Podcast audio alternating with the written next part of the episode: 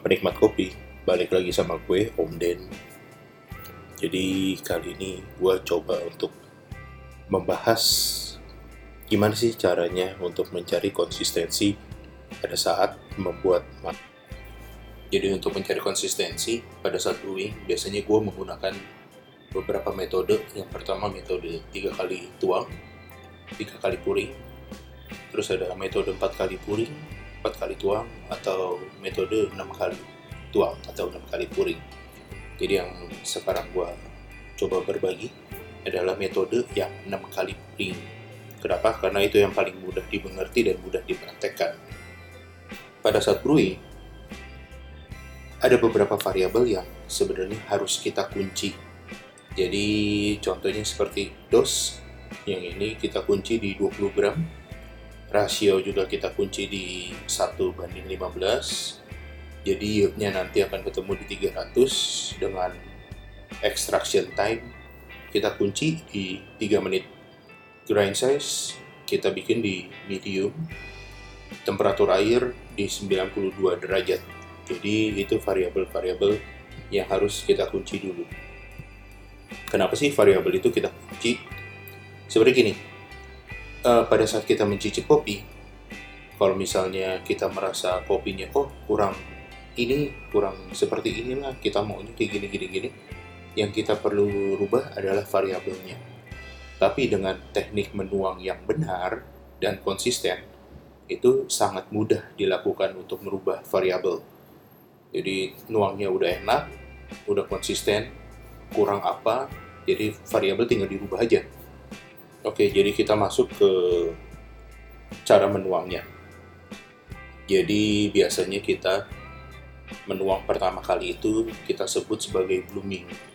Nah, blooming ini saya memakai 50 ml air dengan dos yang tadi 20 gram kopinya. Jadi kita tuang 50 ml air maksimal waktunya 30 detik. Setelah kita tuang bloomingnya tadi yang pertama tuangan pertama first pour kita masuk ke tuangan kedua. Tuangan kedua kita menuang air sampai dengan 100 ml dengan maksimal waktu 1 menit. Jadi yang pertama tadi 50 dan tuangan kedua ditambah lagi 50 yang perlu diperhatikan adalah waktunya. Jadi yang blooming itu 30 detik tuangan kedua itu maksimal waktunya di satu menit. Dan kita masuk ke tuangan ketiga, tuang air sampai dengan 150 ml. Jadi ditambahin 50 dari yang tuangan pertama, kedua, dan ketiga. Jadi totalnya 150 dengan maksimal waktu 1 menit 30 detik. Dan tuangan yang keempat, tuang air sampai dengan 200 ml. Jadi ditambahin 50 lagi dengan maksimal waktu 2 menit. Lalu kita masuk ke tuangan kelima, tuang air sampai dengan 250 ml dengan maksimal waktu 2 menit 30 detik. Lalu yang terakhir kita tuang itu tuangan keenam. Tuang air sampai dengan 300 ml dengan maksimal waktu 3 menit setelah metode 6 ini kita praktekkan, baru kita evaluasi. Jadi, apabila extraction time-nya di bawah 3 menit, berarti yang harus disesuaikan adalah grind size-nya. Berarti itu terlalu kasar, jadi dia surutnya terlalu cepat.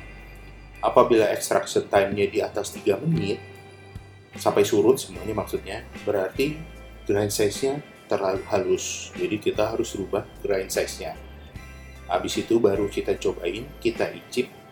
Apabila yang dirasakan itu dominan lebih ke asam, berarti kita harus naikkan temperaturnya. Itu variabel yang harus dirubah. Begitu sebaliknya, apabila rasa yang dihasilkan dominan pahit, berarti turunkan saja temperaturnya. Tapi metode tuangnya jangan dirubah. Tetap konsisten seperti itu. Jadi 50 ml tuangan pertama, tuangan kedua 50 ml lagi per 30 detik jadi seperti itu kelipatannya 50 ml air per 30 detik selanjutnya seperti itu 50 ml air ditambah per 30 detik. Terus seperti itu selama 6 kali tuang. Setelah kita praktekkan metode 6 kali ini, ada jaminan nggak sih kopinya bakalan pasti enak? Tidak ada sama sekali. Jadi tetap kita harus coba. Yang kita cari adalah konsistensi, bukan rasa si brewingannya, bukan rasa kopinya yang kita brew, tapi konsistensi. Dengan kita tahu konsistensi dan kita bisa ngebrew secara konsisten, kita tahu apa yang harus kita rubah. Jadi untuk brewan berikutnya, kita ngebrew lagi, kita tahu, oh, apa yang harus kita rubah variabelnya. Selain konsistensi pada saat brewing, hal terpenting adalah sensori juga.